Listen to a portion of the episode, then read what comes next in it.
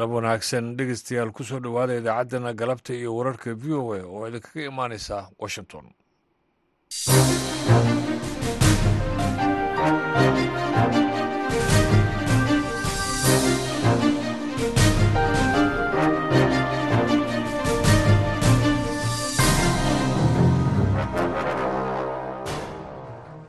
dhegeystayaal waa jimca bisha maaja ee sanadka labada kun iyo saddex iyo labaatankana waa toban. Waxaad naga dhegeysanaysaan mawjadaha gaagaaban ee lix iyo tobanka iyo sagaal iyo tobanka mitrban iyo boggana v o e somaali com. Saacadduna haatan afrikada bari waa afartii galabnimo.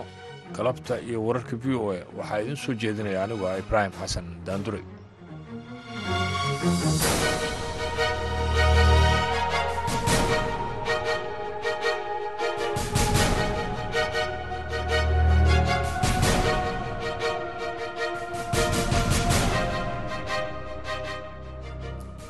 qodobada aad ku dhegeysan doontaan idaacadda waxaa ka mid ah barnaamijka faaqidaada toddobaadka oo ku saabsan saddex sharci oo muhiim ah oo dhowaan ay ansixiyeen labada aqal ee baarlamanka ee soomaaliya madaxweynuhuna uu seexay.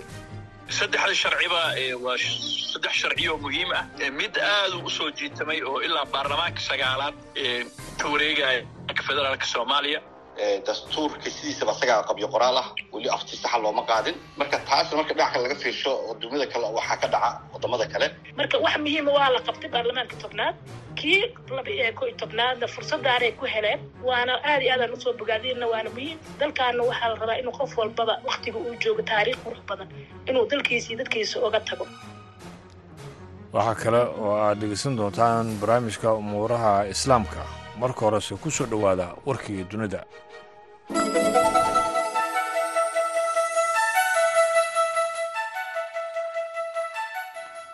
Dalalka iiraan iyo sacuudi arabiya ayaa ku heshiiyey in dib loo soo celiyo xiriirkii go'ay sannadkii labada kun lix iyo tobankii islamarkaasina dib loo furo safaaradaha labada dal waxaana sidaasi maanta shaaciyey warbaahinta dalalkaasi. Kadib wadahadallo dhex maray jamhuuriyadda islaamiga ee iiraan iyo boqortooyada sacuudi arabiya ayaa ku heshiiyey in la bilaabo xiriir diblomaasi islamarkaasina dib loo furo safaaradaha laba bil gudahood waxaana sidaasi qortay wakaaladda wararka iiraan ee irna. Wakaaladda wararka ee sacuudiga ee s b a oo sidoo kaleeto xaqiijisay heshiiskaasi ayaa sheegtay in labada dal ay isku raaceen in dib loo dhaqangeliyo heshiiskii iskaashiga amniga ah ee la seexay labadii kun iyo kowdii iyo heshiiskii dhaqaale iyo ganacsi iyo maalgashi ee sannadkii kun sagaal boqol sagaashan iyo sideeddii sacuudi arabiya ayaa uga mahadcelisay ciraaq iyo cumaan in ay martigeliyeen wadahadalada labada dhinac ee labadii kun iyo kow iyo labaatankii iyo laba iyo labaatankii warbaahinta iiraan ayaa dhanka kaleetu sheegtay in wadahadaladii ugu dambeeyey ay ka dhaceen magaalada beijin ee dalka shiinaha iyadoo shiinuhuna uu qeyb ka yahay war-saxaafadeedka wadajirka ah ee lagu shaaciyey heshiiskaasi sacuudi arabiya ayaa xiriirka u jartay iiraan sannadkii labada kun lix iyo tobankii kadib markii safaaradda tehraan ay ku xoomeen shacab intii uu socday muran u dhexeeyey labada dal oo ka dhashay markii riyaad ay xukun dil ah ay ku fulisay wadaad shiicoa. Duulimaadyada garoonka caalamiga ah ee syriya ee xalab ayaa dib u bilowday saddex maalmood kadib markii la joojiyey kadib duqeyn looga shakisan yahay inay israa'iil geysatay. Sida uu sheegay madaxa duulista rayadka ee dalkaasi base mansuur. Base mansuur ayaa waxa uu sheegay idaacad dowladdu ay leedahay in duulimaadyada ay ka bilowdeen garoonkaasi saaka oo jimcaha kadib markii la dayac turay tan iyo lixdii bishii februari dhulgariirkii ku dhuftay turkiga iyo suuriya oo ay ku dhinteen in ka badan konton kun oo qof oo ay ku jireen in ka badan lix kun oo suuriyaana ayaa garoonku waxa uu ahaa marinka ugu muhiimsan ee dowladaha sida gargaarka ee soo gelaya waddankaasi uu dagaalku aadka u afeeyey. Shaqo joojinta garoonka kadib ayaa duulimaadyadii gargaar waxaa loo weeciyey garoommada dimashik iyo latakia weerarka lagu qaaday garoonka duyradaha ee xalab ayaa yimid kadib markii israa'iil ay duqeysay garoon duyradeed taasi oo qeyb ka ah ololaha israa'iil ay ku doonayso inay ku carqaladayso hubka iiraan ay u soo xawilayso suuriya. Kooxaha ay taageertay iiraan oo ay ku jirto kooxda xisbullah ee dalkaasi lubnaan kooxda daacish ee afghanistan ayaa sheegatay mas'uuliyadda qarax ismidaamin ahaa oo lagu dilay shalay guddoomiyihii gobolka balkha daa-uud muzamal iyo laba shaqaalihiisa ahaa. Kooxda daacish ee gobolka khorsan ee xagjirka xiriirkana la leh daacish ee iyadoo ka soo horjeeda talabaan ayaa waxay ku dhisay weerarada ay ka geysanayso afghanistan tan iyo markii talabaan ay la wareegeen talada dalkaasi bishii agost ee sannadkii labada kun iyo kow iyo labaatankii. Kooxda ayaa waxaa bartilmaameedyadeeda ka mid ah ilaalada talabaan iyo xubno ka tirsan shiicada laga tirada badan yahay ee waddanka afghanistan. Warkiina dhegeystayaal waa naga intaas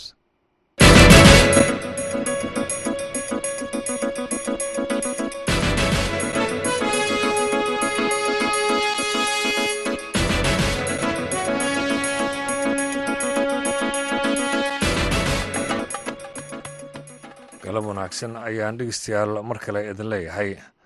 Aqalka golaha wakiilada kongareska mareykanka ee ay jamhuuriyiintu aqlabiyadda leeyihiin ayaa bilaabay arbacadii la soo dhaafay inuu baaro go'aankii xukuumadda madaxweyne biden ay ciidamada mareykanka ay kaga soo saartay waddanka afghanistan bishii agost ee sannadkii labada kun iyo kow iyo labaatankii khubarada dhinaca socdaalka iyo saraakiil ka tirsan milatariga mareykanka ee iyagoo gacanta ka geystay dadkii sida deg deg ah loogu soo daadguriyay waddanka afghanistan ayaa ka marag furay in ka soo bixitaankaasi uu ku yimid go'aano khaldan oo sannado badan la qaadanayay. Wariyaha v o a ee arrimaha kongareska uga soo waranta catherine jebson ayaa warbixintan ka diyaarisay saare cili nuur ayaa soo jeedinaysa maalmihii ugu dambeeyey ee joogitaanka maraykanka ee afghanistan waxaa ka dhacay fawdo iyo dhimasho iyada oo sidii deg dega ahayd ee ay taalibaanku ku qabsanayeen magaaladu ay la yaab ku noqotay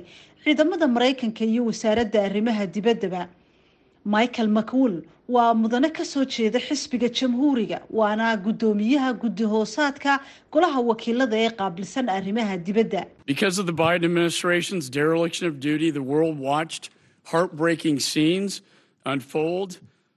iyadoo sababtu ay ahayd maamulka madaxweyne biden oo meesha ka saaray waajibaadkii shaqo dunidu waxay daawanaysay muuqaallo murugo leh oo ka dhacayay gudaha iyo hareeraha madaarka ee magaalada kaabuul oo laba toddobaad socday. Mudanayaasha xisbiga jamhuuriga ee aqalka hoose ee wakiilada kongareska maraykanku waxa ay bilaabeen baaritaano la xidhiidha. Dhacdooyinkii dhacay bishii agost ee labadii kun iyo koob iyo labaatankii ka dhacay magaalada kaabuul mudanayaasha xisbiga dimuquraadiguna waxay ku doodayaan in hanaankii ay xukuumadii hore ee madaxweyne donald trump u qorshaysay ka bixitaanka ciidamada maraykanka ee dalka afghanistan ay keentay fawdadii meesha ka dhacday. Gregory mix waa mudane ka soo jeeda xisbiga dimuquraadiga kana tirsan aqalka hoose ee kongareska maraykanka.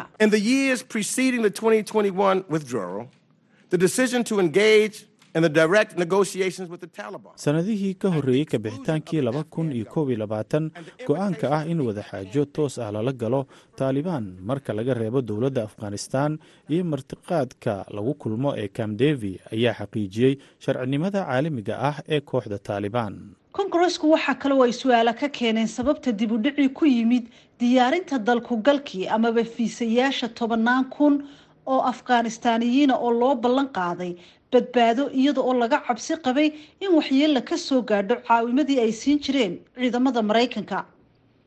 Peter lucier waxa uu ka tirsan yahay xarunta team american relief oo ahayd hay'addii gacanta ku haysay taageerada dadaalada daadguraynta dadkii reer afghanistan ee ka baxayay dalka.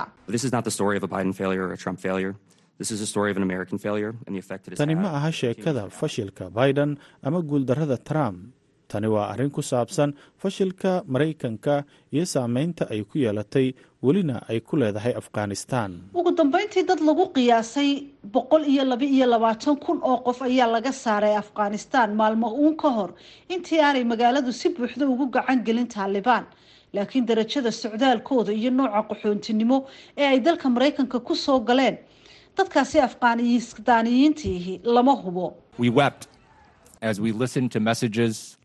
waan qalbi jabnay markaan maqalnay fariimaha ay gudbinayeen carruurta yaryar ee ku dhawaaqayay inay naga codsanayaan gargaar iyo inaan caawinno. Tobannaan kun ayaana weli ku xayiran gudaha dalka afghanistan. Warbixintii catherine gebsonna ay diyaarisay waxaa soo jeedinaysay zahar ciidli nuur. Halkaad weli nagala socotaana waa washington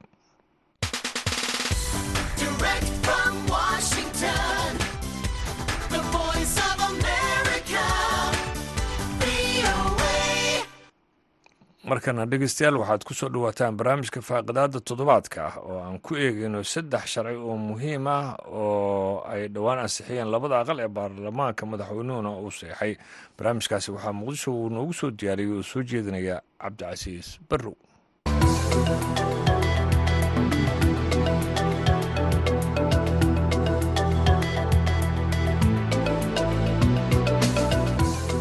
kulanti wanaagsan idil ahaantiinba khiyaarta nala socota ay ku soo dhowaada barnaamijkii faaqidaadda toddobaadka oo aan idila socodsiinaya anigoo cabdilcasiis barrowa oo jooga magaalada muqdisho. Guud ahaanna waxaynu ku faaqidi doonnaa toddobaadkan. Hinti sharciyeedyo maray labada aqal ee baarlamanka soomaaliya uu qaarkood saxiixay madaxweynaha dalka xasan sheekh maxamuud. Xeerarkan ayaa qaarkood waxay noqdeen kuwo soo jiita indhaha bulshada waxaana ka mid ahaa xeerka ay ku dhisan tahay hay'adda nabadsugidda iyo sirdoonka qaranka soomaaliya ee nisa oo ay wasaaradda amniga u soo gudbisay labada aqal ee baarlamanka islamarkaana ka gudbay madaxweynahana uu saxiixay iyo hindi sharciyeedka hadda hor yaalla aqalka sare ee baarlamanka ee ku aadan la dagaalanka argagixisada kaasoo in ka badan toban sano hor yaallay baarlamanka soomaaliya. Daba xeerarkan maxay soo kordhin karaan marka la eego xaaladda amni midda siyaasadeed iyo dhaqaale ee soomaaliya ku jirto. Barnaamijka waxaa igala qayb qaadanaya naciimo ibraahim yuusuf oo ah siyaasi horeyna uga tirsanaa xildhibaanada aqalka sare ee baarlamanka soomaaliya. Doctor cabdi cali xasan oo ah siyaasi muddo dheerna ku soo jiray baarlamanka golaha shacabka ee soomaaliya iyo aqoon-yahanka cabdulaahi mahdi oo ka faallooda siyaasadda dalka. Doctor cabdi cali xasan cabdulaahi mahdi iyo siyaasi naciima dhammaantiin ku soo dhowaada barnaamijka faaqidaada ee laanta afka soomaaliga ee v o e da waxaan rabaa marka ugu horeysa doctor cabdi cali xasan inaan ku bilaabo. Doctor cabdi sidaad la socoto maalmihii ugu dambeeyey labada aqal ee baarlamanka soomaaliya sharciyo xasaasi ah ayay meel marinayeen. Bal waxaad iiga warantaa sharciyadaasi iyo muhiimadda xilligan soomaaliya u leeyahay cabdicasiis iyo saaxiibadooda meesha ku jira senator naciimo iyo cabdullaahi maadiba waa salaamaya iyo shacabkan dhegeysanaya. Cabdicasiis oo haddaan ka hadlo sharci sidiisaba mar walba muhiimad ayuu u bulshada sharciga samaysatay. Sharci waxaa loo sameeyaa inuu waxna xakameeyo waxna ogolaado. Sidiisaba sharci khataro jira inuu ka hortago oo sidii looga hortegi lahaa qeexo ama fursado jira sidii uu abuuri lahaa inuu inuu tilmaamo. Sharciga sidiisaba waa waa tilmaada way. Baarlamaanka sharciyada uu sameeyo cidda hadhow raba inay fuliso xukuumadda waaye. Marka meeshii ay ka shidaal qaadan lahayd waaye si ay caqabado jira oo oo bulshada haysta khaasatan sharciyadana hadda bulshada soomaaliyeed haysta oo cad oo qof walba arkaayo oo dhib aan ku qabno. Hataa saddexda sharciba waa saddex sharci oo muhiim ah. Mid aad u soo jiitamay oo ilaa baarlamaanka sagaalaad wareegaya federaalka soomaaliya.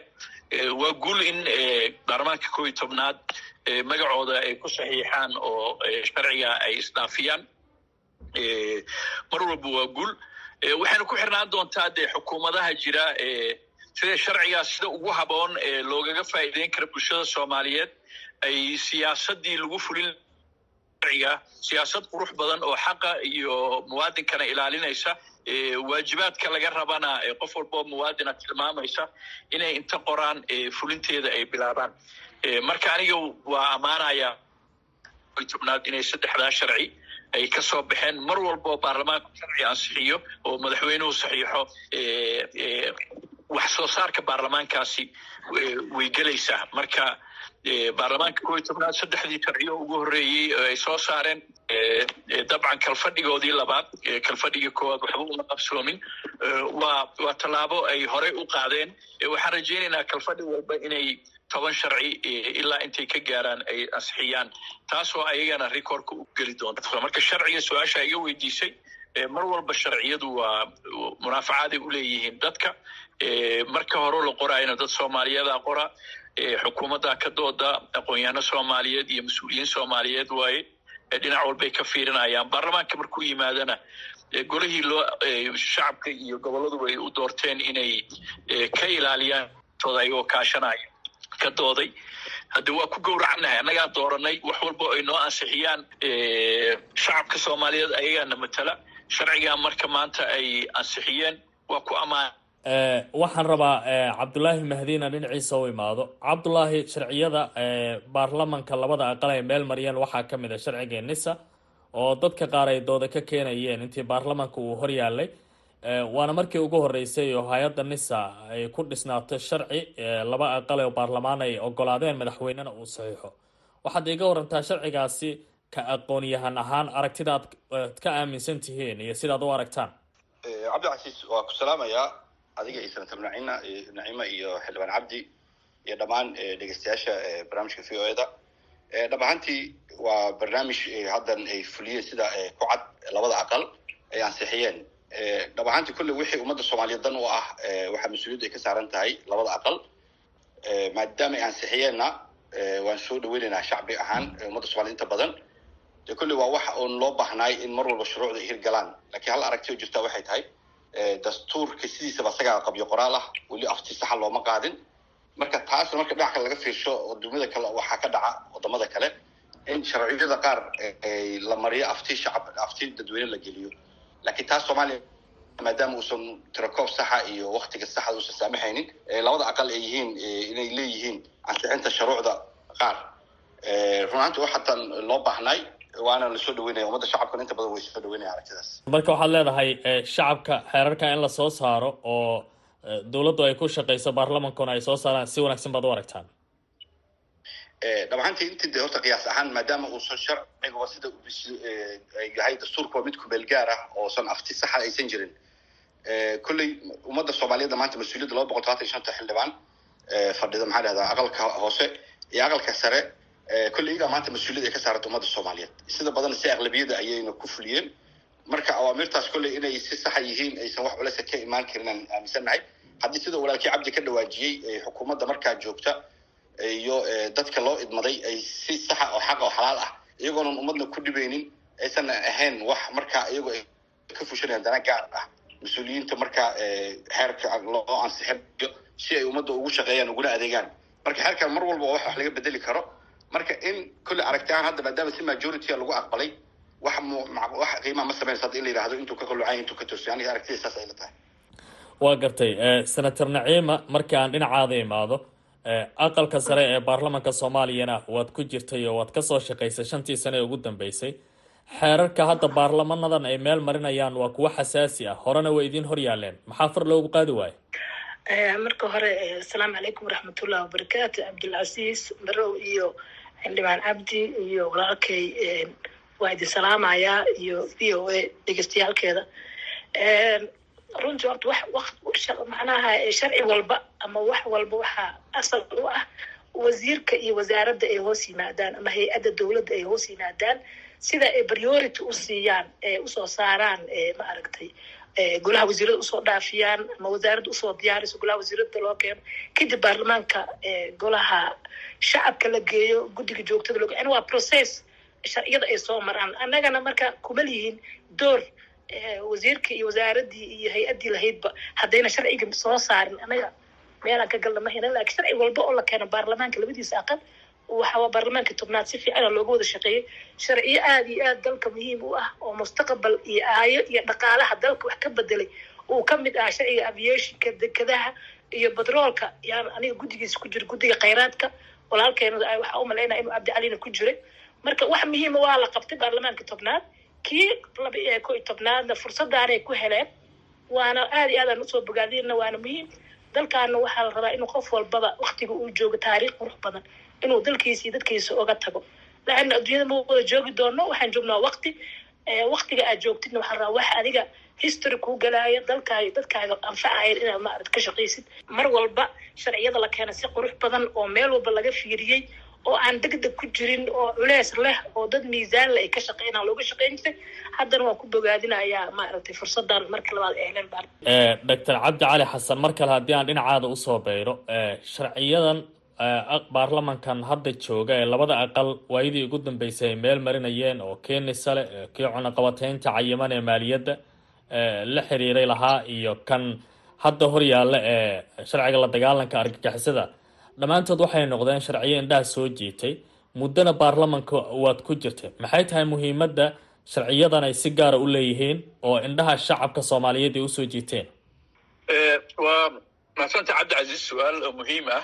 Horta kan argagixisada waataan kuu sheegay muddoba saddex baarlamaan uu dhex wareegayay. Maanta in baarlamaankan uu soo gebagabeeyo waa ku ammaanan yihiin sharci muddo laga soo shaqaynayuu ahaa oo marba wax laga bedelayay sababta sharciga argagixisada keenaysana waxay tahay shacabka soomaaliyeed dhibaato argagixisaa yaa haysata si loo xakameeyo caqabadahaas. Ayana dad soomaaliyeed waaye ayadoo xaqoodana la ilaalinayo waajibaadna muwaadinka laga rabana la ilaalinayo ama la faraayo waa in sharci loo sameeya. Dadka sharci dadka kala hago wax fiicanna bulshada uu horseedo. Marka argagixisada dee inay dalkan ka dhammaato oo wax isqarxinaya wax gardarre ku dilaya qof kaloo muwaadin ah waxaasoo dhan in la waayo cabsidan ganacsatadii iyo shacabkii iyo cid walba lagu abuuray ee habeenkii ay seexan laayihiin dowladahan iskor saaran ee maxaa la yidhaahdaa sidii mafiyadii talyaaniga iyo iyo dowladdii talyaaniga oo kale oo aad hadda noogu xididanaysaa in wax laga helo sharci haga tilmaama soo afjara waa laga maarmaan. Saasuu muhiim u yahay. Sharcigan dabcan wuxuu tilmaami doonaa qofkii lagu arko waxyaabaha qaarkood ciqaabaha uu la kulmi doono. Qofkii ka qayb qaata nabadda abaalmarino iyo waxa uu noqon doono. Waxaasoo dhanaa sharciga qodobadiisa ku qoran taas marka waxay muhiim u tahay dhibaato maantana haysata oo qax leh oo dil leh oo xasilooli darro bulsho iyo dhaqaale iyo amniba leh inay soo afjaranto laakiin waxaa u dheeraan doonta xukuumadda haddii ilaahay garansiiyo inay siyaasad la dagaalanka argagixisada oo aan sharciga garab marsanayn xaqa iyo muwaadiniintana ilaalinaya waajibaadka ayaga saarana inay inay inay siyaasadda qoraan fuliyaanna qoridda siyaasadda keliya xataa macno ma lahan oo kuma filna. Inay fuliyaan oo hay'ad walboo fulinaysana lagu controlo. Qorshe loo sameeyo heer istrateji iyo heer fulineed iyo ilaa heer degmo gaarsi in in in la helo. Ilaa guddoomiyaha degmada ugu dambeysa iyo tuulada inay helaan arrintaana xukuumadda iskale. Marka weli fari kama qodna hadda sharci waaye laakiin sharciga la sameeyey argixisana kuma joogsan doonto waxay u baahan tahay siyaasad iyo raggii iyo gabdhihii fulintii iyo kartidaa lahaa ee fulin lahaa. Doctor cabdi cali waxaad sheegtay baarlamaanadii ugu dambeeyaba sharciga la dagaalanka argagixisada inuu dhex yaalay oo aan far loo qaadin. Maxay tahay sababta aan sharcigaasi aan loo gudagelin golaha shacabkaad ku jirtay oo hadda golaha shacabku waa uu ka gudbay. Maxay tahay sababtaad is leedahay baarlamaanadii aad ku jirtay aanay sharcigaasi dood u gelin? Baarlamaankii tobnaad waa la dalbanayay lamaba keeninba laakiin baarlamaanka sagaalaad xukuumaddii ugu horreysay maxaa la yidhaahdaa saacid xukuumaddiisii ayaa keentay markii ay timid xukuumaddii cabdiweli sheekh axmed ayaa lala laabtay xukuumaddii saacidaa keentay xukuumaddii cabdiweli markay timid ayadaa codsatay loogu celiyo si ay wax kabedel ugu sameeyaan dibna uguma soo noqon baarlamaankii sagaalaad dabcan baanaad guddigu waa isku dayeen in sharcigan loo keeno.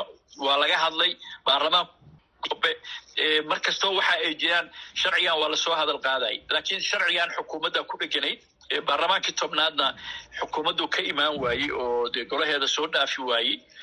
Dabcan baarlamaanka koo iyo tobnaad iyo xukuumadda hadda jirta sharci diyaarsan oo wax badan aan ka maqnayn uu ahaa xukuumaddan marka waa ka faa'iidaysatay baarlamaankay keentay. Baarlamaanka hadduu yimaadana inta badan siday senator naciima sheegaysa baarlamaanka kuma daaho waa waa ka doodaan khubaraa loo geeyaa wixii oo ayaga awooddooda aan ahayn. Markay khubaradu kala talisana sharciga waa ka gudbaa madaxweynahana waa loo diraa. Marka caqabada ugu badan oo haysatay baarlamaankii sagaalaad iyo tobnaad caqabad baarlamaan ma ahayne caqabad xukuumadeedu ahaa. Xukuumadda oo mar walba marna la noqonaysa oo dalbanaysay in uu la noqdo marna iyadu keeni weyday oo dee gudaheedu furaay waa gartay senator naciim baan rabaa mar kale dhinaceedina u bayro. Dalka dagaal uu ku jiraa sidaad la socoto oo dowladda madaxweyne xasan sheikh uu hogaamiyo iyo al-shabaab dagaalo ayaa u dhexeeya iyadoo qaar ka mid a beelaha soomaaliyeedna ay taageerayaan dowladda. Waxaad iiga warantaa sharcigan xilligan la joogo muxuu ku soo kordhinayaa dagaalada socda?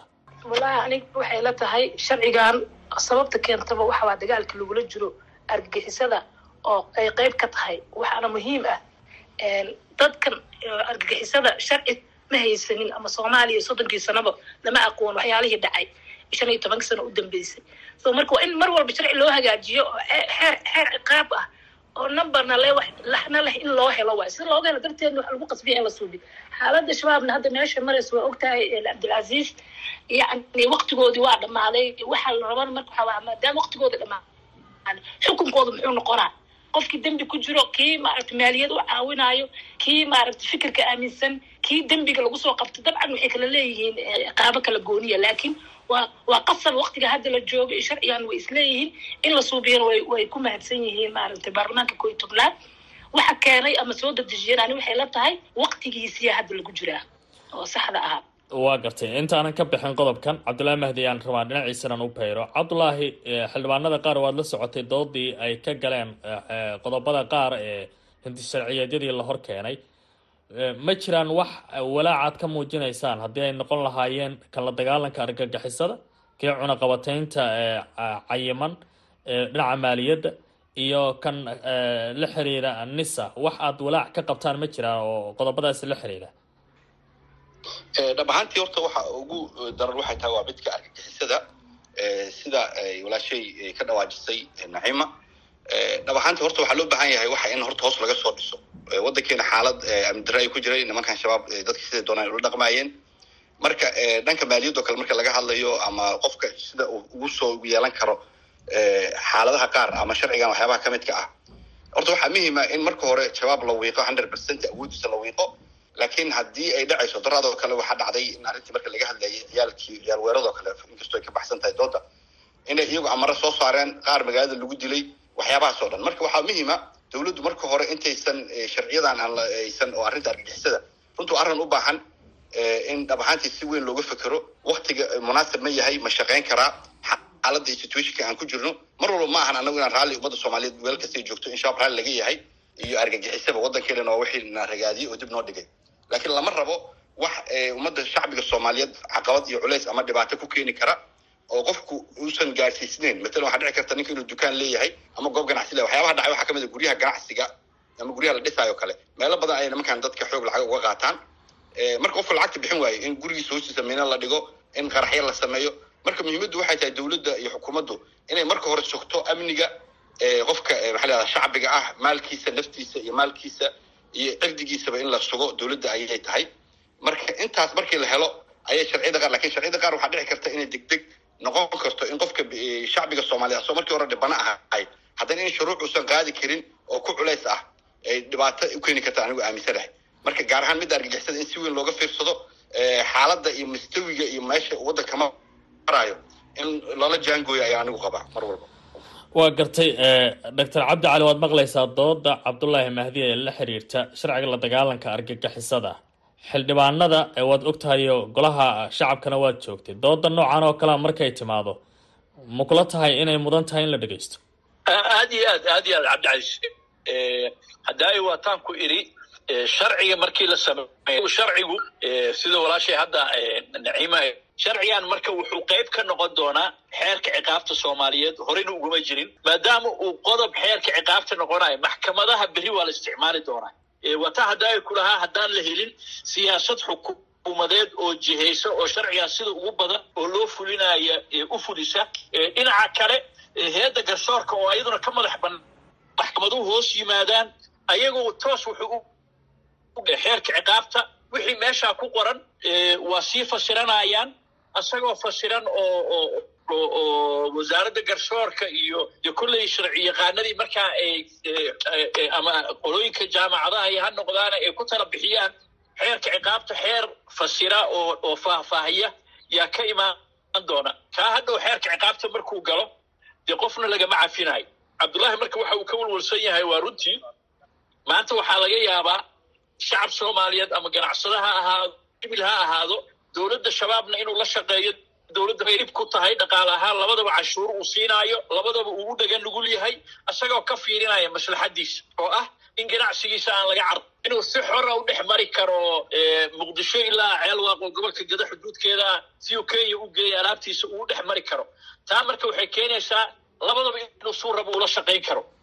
Laakiin markii sharcigan oo kale xeerka ciqaabta lagu qoro oo siyaasadda dowladdu ay ka soo saarto ciqaabaa imaanaya marka cabdullahi tuu ka walwalsan yahay oo shacab badan oo soomaaliyeed ay ka walwali karaan taas waaye taana waxaa xal u heli karaa saa hadaayib u sheegay siyaasadda xukuumadda ee la raba inay fuliso ayadaa xal ka saaran yahay inay sharciga maadaama hay'addii adeega ay tahay sharci u adeegaya shacabka soomaaliyeed inuu noqdo ee uusan noqonin sharci lagu dulmo shacabka soomaaliyeed. Marar badan hay'adaha corruption xoog laha ka jira.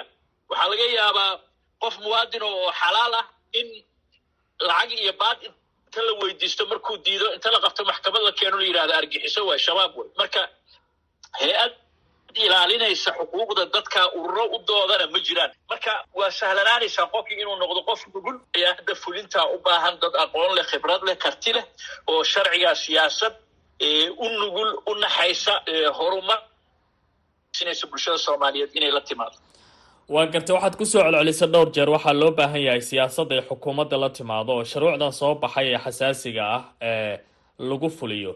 Siyaasaddu qaab nooce ayay noqon kartaa? Markaad ku qiimeyso xaaladda soomaaliya maanta ay ku jirto. Dabcan ugu horeyn maxaa la yidhaahdaa ganacsatada soomaaliyeed ama ajnabi hadduu damco dalka inuu maal gashto dowladdu inay qaado mas'uuliyadda ah in qofkaasi aan la dulmaynin. Qolo argagixisaa ama qolo baad raadinaysa ama shabaab ha noqdaan ama shaksiyaad oo iskood magaalada u joogo oo ganacsi tartan kula jira ha noqdaan qofka inuuna argagax iyo xasil cid ilaalisa muwaadin kasta sharciga wey sharciga iyo siyaasadda iyo siyaasadda hay'adahay u samaysa. Saldhigyada booliska waa beri iyo hodan iyo uma furna shacabka soomaaliyeed inay xirxiraan. Waxay u furan yihiin qof kastaoo muwaadinka soomaaliyeed dhib ku ah inay soo qabtaan oo xidhaan. Siyaasaddii fulin lahayd oo ilaalin lahayd shacabka soomaaliyeed ciddii dulmaysana qaban lahayd inay la timaado iyo ciddii fulin lahayd. Ama shibil ha noqoto ama military ha noqoto ama boolis ha noqoto. Aad baad umahadsan tahay.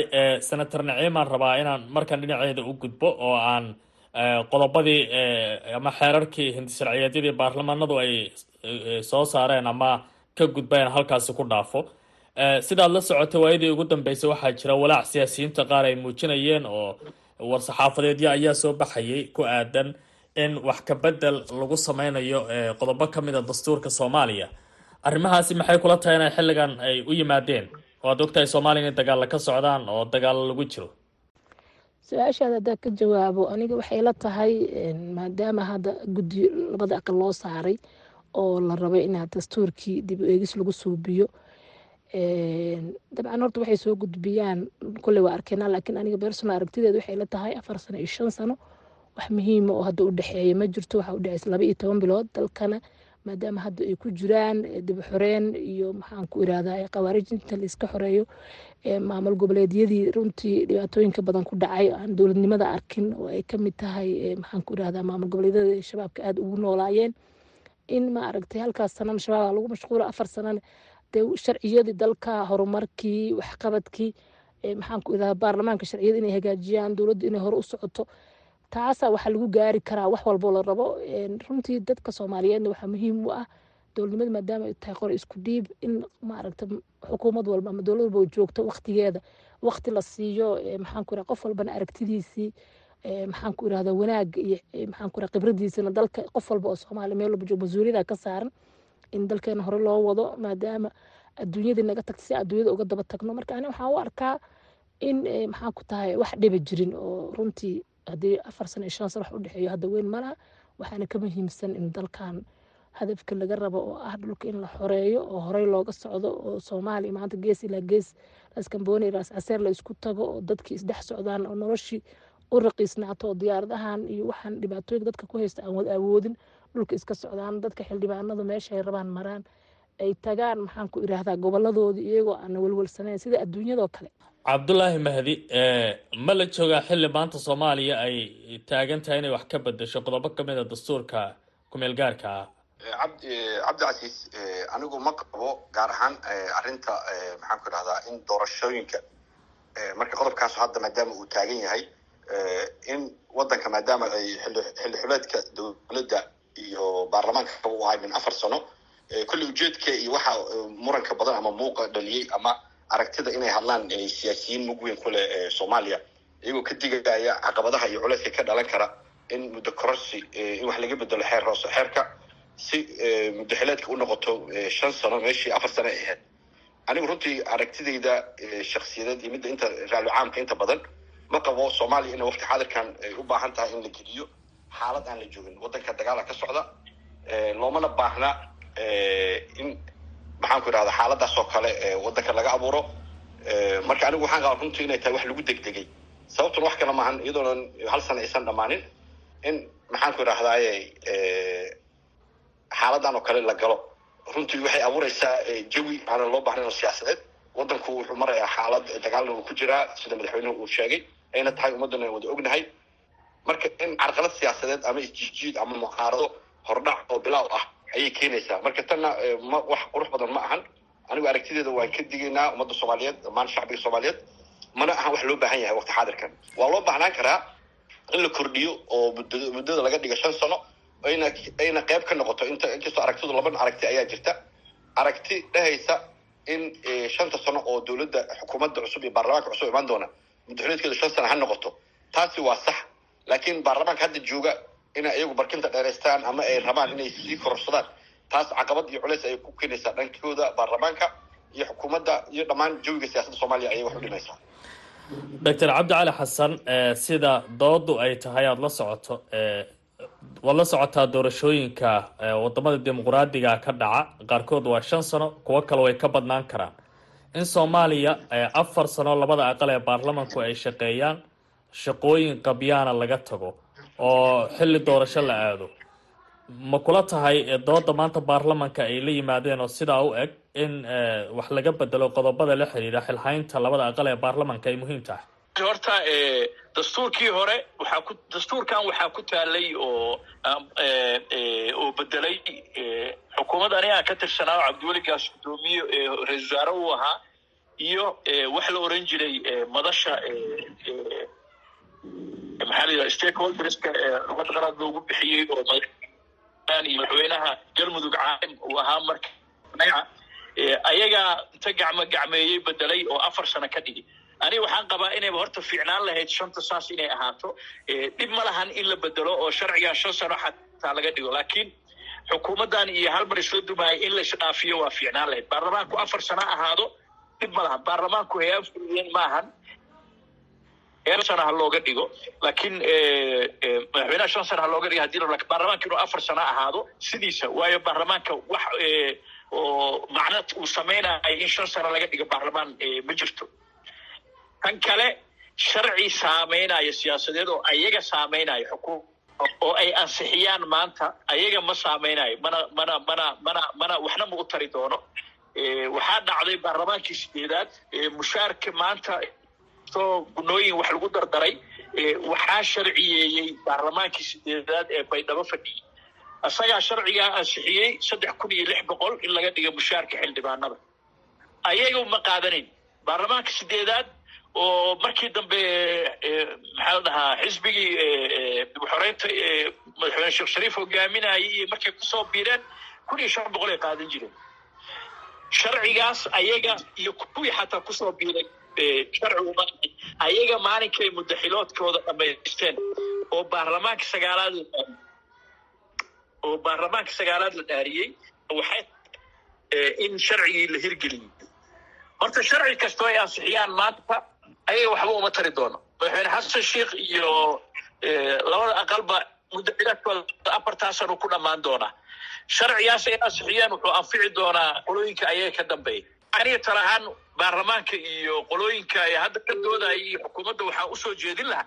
Hadday wax ka bedelayaan xukuumadda madaxweynaha un waaye iyo cidduu doorto ayagana baarlamaanka xukumo hadday rabaan wax ka bedelaya in shan sano looga dhigo si aan maalin walba labada haydood iskugu kordumin madaxweynaha iyo shan sano laga dhigo baarlamaanku afar sano ahaad.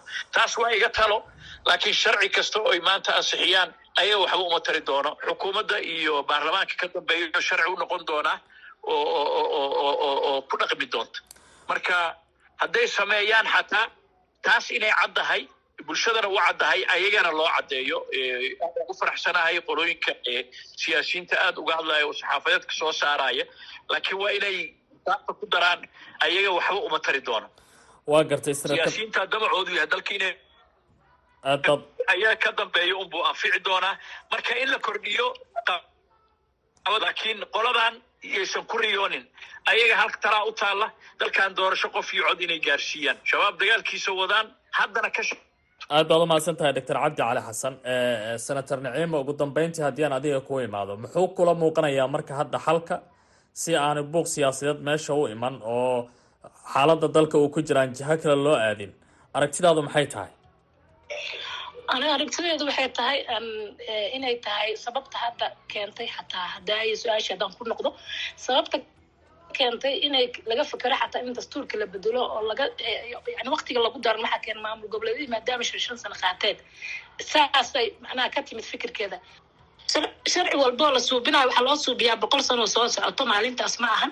Marka ani waxaan qabaa sharciga sida u sheegay maxaan ku irahdaa xildhibaan cabdi laba mid waa la suubin karaa. In la dhaho madaxweynaha waktigiisa shan sana ha laga dhigo. Iyo in laga shan sano kulli laga wada dhigo. Laakiin mar walba ma anfici doono ama sida hadda macnaha sidii waktigii annaga aan joogno oo kale loogu daray u shaqayn weyse khilaaf siyaasadeed iyo problem intay keen leed waxaa waxaa ka fiican waxaa ka fiican in ay ka fakaraan sharcigan idinka idama quseeya laakiin dalkan wuxuu u baahan yahay sharci in loo hagaajiyo la isku raaco laakiin mustaqbalka u noqdo aayaha iyo deganaashada siyaasadeed ee soomaaliya taas aniga aan is leeyahay ayaa ugu muhiimsan ayna tahay inay ku fakeraan hay'adaha hadda ama xildhibaanada ka shaqeynayo in muddo kordhinta saacadan oo lagu soo degdega la suubinayo inaan la suubin ee loo fekero sharciga ha la hagaajiyo laakiin wuxuu quseen doonaa baarlamaanka labiyo tobnaad iyo wixii ka dambeeyo.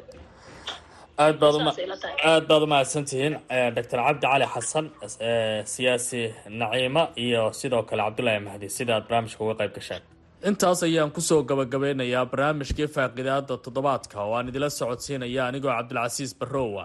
Tan iyo kulanti dambe waxaan idin leenahay nabadgelyo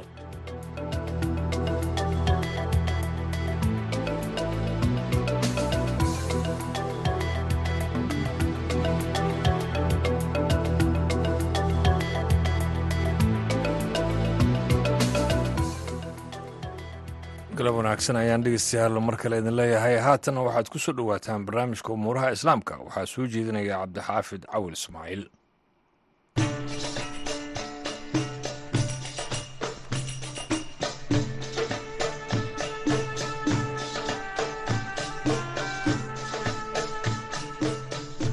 Kulantii wanaagsan idinkiin baa kuna soo dhowaada barnaamijkeennii amuuraha islaamka go'doomintii ay waddamada sacuudiga imaaraadka baxrayn iyo masar ay go'doomiyeen bishii juun ee sannadkii labada kun iyo toddobiyo tobankii dalka qatar. Waxa ay ahayd dhacdo weyn oo keensatay cawaaqib dhaqaale mid siyaasadeed iyo bulshaba. Qatar haddaba sidee ayay uga dabaalatay go'doonkaasi? Maxayse ahayd ujeeddada ay tallaabooyinkaas u qaadeen? Afartaas wadan ee carabta ah barnaamijkeena amuuraha islaamka ayaynu haddii ilaahay raalli ka noqdo ku lafaguraynaa. Sida ay sheegeen waddamada go'doonka ku soo rogay qatar waxa ay tilmaameen in tallaabooyinkaas ay u qaadeen sabab ay ahayd qatar oo taageerta kooxo argagixiso ah. Gobolkana ka abuurtay xasilooni dari qatar si adag ayay u beenisay eedahan dadka ka faalooda arrimaha bariga dhexe qaarkood waxa ay aaminsan yihiin in qatar wadamadaas uga fara dhuudhuubnaatay waddamada go'doomiyey siyaasadda bariga dhexe maxaa haddaba lagu sheegi karaa sababihii ugu waaweynaa ee afartaas dal ay go-doonka u geliyeen qatar su'aashaasi ayaan weydiiyey cabdiraxmaan faarax maxamuud oo degan faransiisko magaalada la yidhaahda ee dalka baraaziil kana faallooda arrimaha islaamka. Cabdixaafid waxaa lagu tilmaami karaa gardaray ahayd. Gardaro weliba aan xitaa garab haysan bay ahayd. Ugu dambeyntiina guuldaraysatay oo ay qadar guuleysatay bay ahayd. Haddaynu xagga siyaasiga ka eegno sacuudi carabiya iyo imaaraadku waxay doonayeen horta inay hogaanka u qabtaan siyaasadda islaamka ama dhaqaalaha ahaato ama siyaasada ahaatee. Sidaa darteed dowladaha yararka oo ay taageeraan iyo kuwa ay siyaasada isku siyaasadda yihiinba inay isku mowqif noqdaan ayay rabeen. Ujeedaduna waxay ahayd in culays la saaro diblomaasiyadeed wadanka iiraan oo markaa taageerayay kooxahii ka dagaalamayay yaman ee xuutiyiinta marka sababta ugu weyn waxay ahayd in iiraan la saaro cadaadis iyo in xitaa ururada ka dagaalama waddamada muslimiinta ee dowladaha iyo xukuumadaha ku kacsan ee qatar ay dhexdhexaadiso ay ka xun tahay sacuudiga iyo imaaraadku ay ka xun yihiin oo ay leeyihiin kaalintaas inaan anagu qaadano ayaa ku haboonayd marka aan waxaan u arkaa gardaraynay ahayd iyo quuriwaa xagga siyaasiga ee ay qadar gaartay go'doonkani qatar waxa uu xilligaasi ku yeeshay saameyn weyn oo dhinaca dhaqaalaha ah maadaama oo ay ku tiirsanayd badeecad badan oo ay ka soo dhoofsan jirtay waddamada dariska la ah. Sidaasi oo ay tahay dooxa waxa ay adkaysatay culayskii kaga yimi go'doominta dhowr istaraatiijiyadood.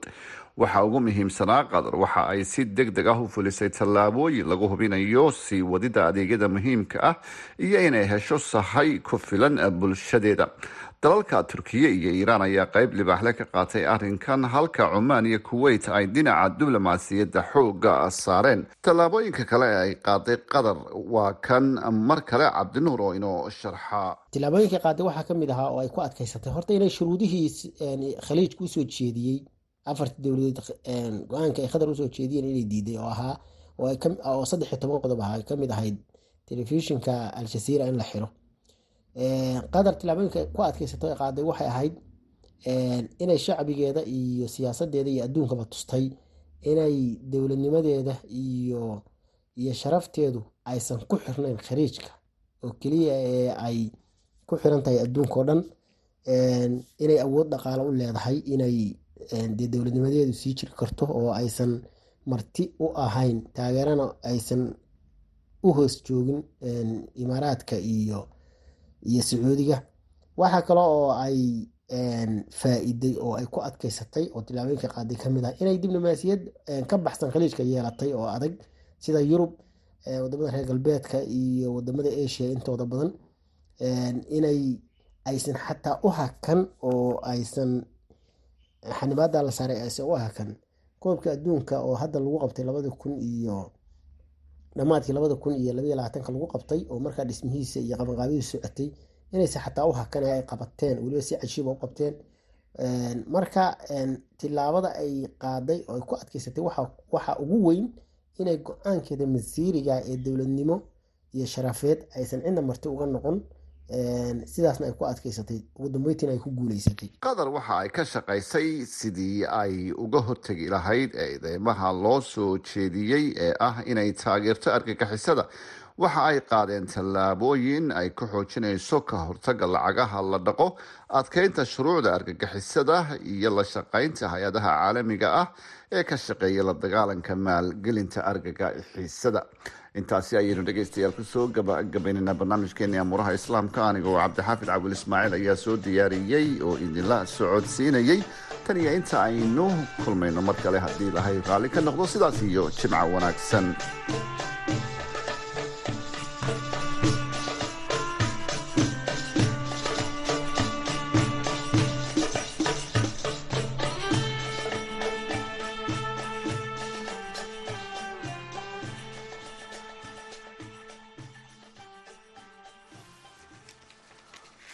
halkaa dhegeystayaal weli nagala socotaan waa laanta af soomaaliga v o a washington.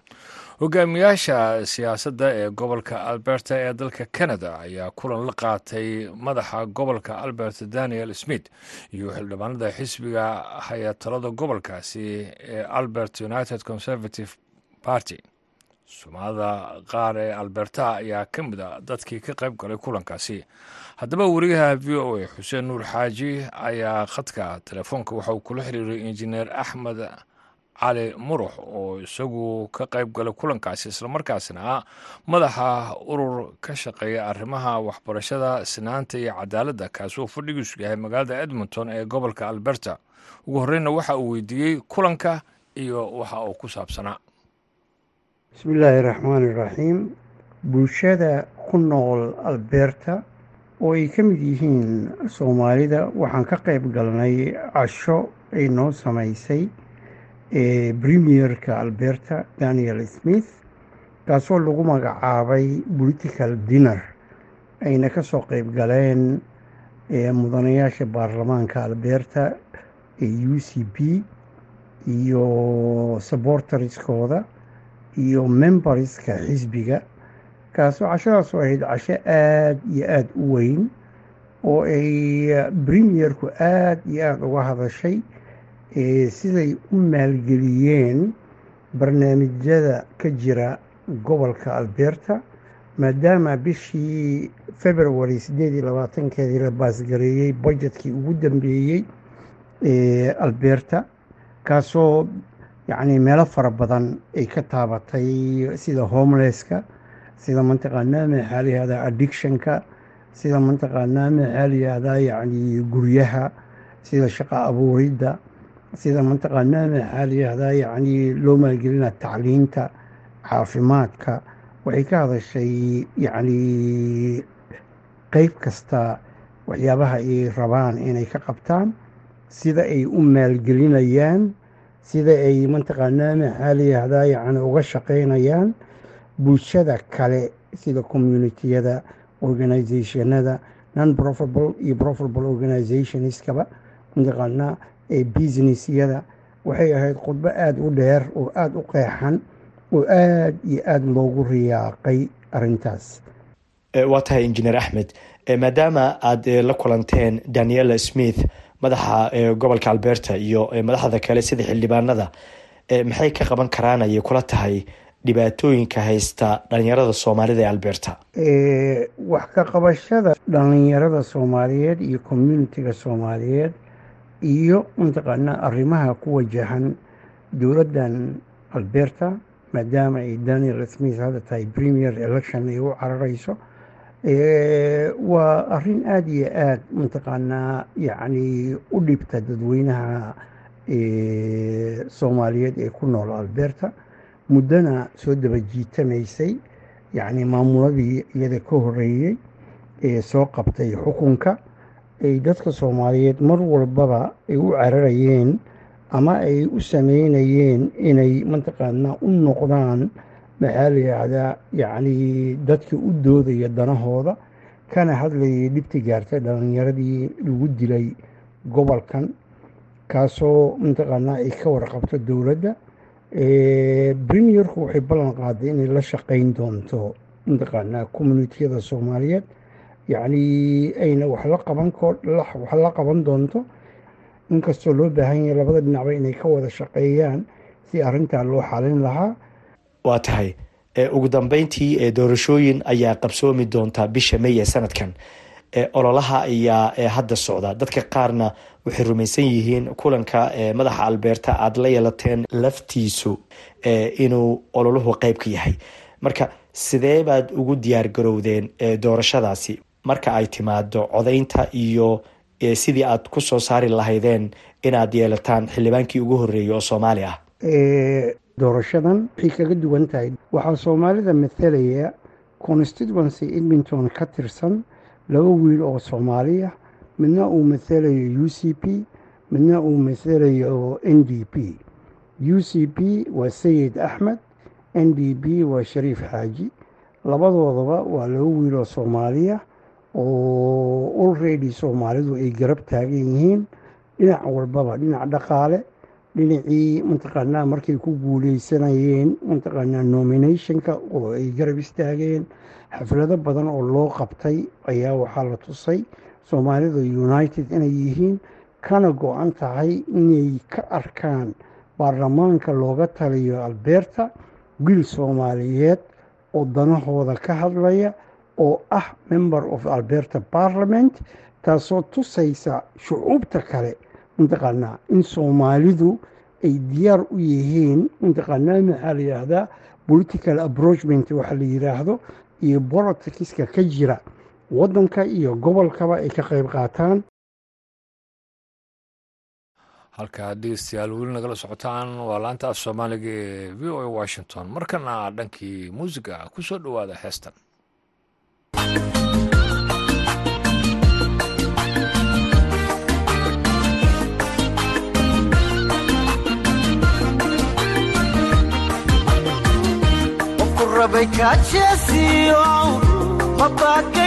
joogsiye jamashadu badhaadhiyo waxay tahay jannoo kale qofku jecel adoo jecel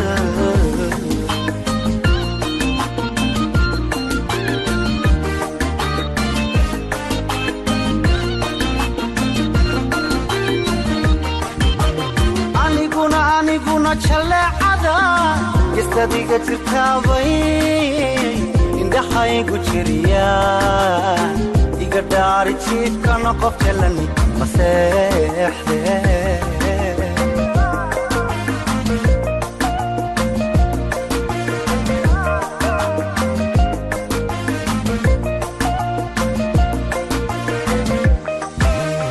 aniguna jaleecada gastadiga jirtaabay indhaxaygu jiriya iga dhaari jiifkana qof jalani maseexde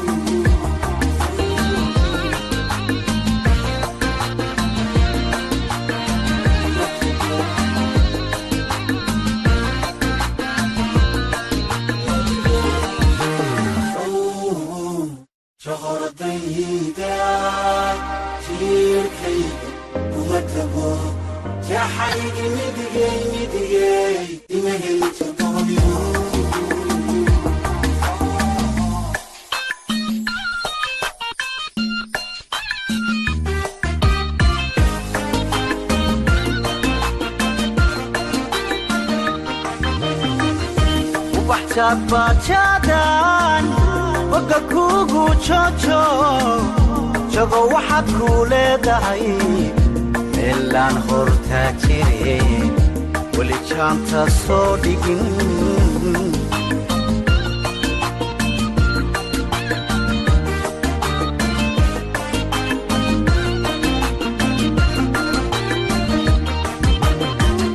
Kugu jojo jago waxaad kuu leedahay meelaan hortaa jire weli jaantaa soo dhigin.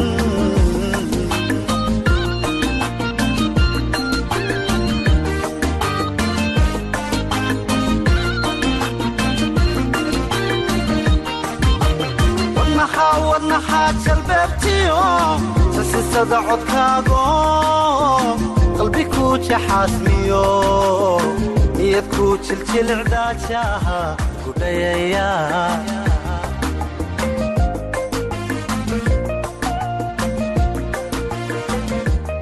heestaasi jawharad waxaa qaadaya maxamed saciid biki waxaan ugu dambeysay idaacaddani galabta iyo wararka v o a intaan mar kale kulmi doono sidaa iyo nabadgelyo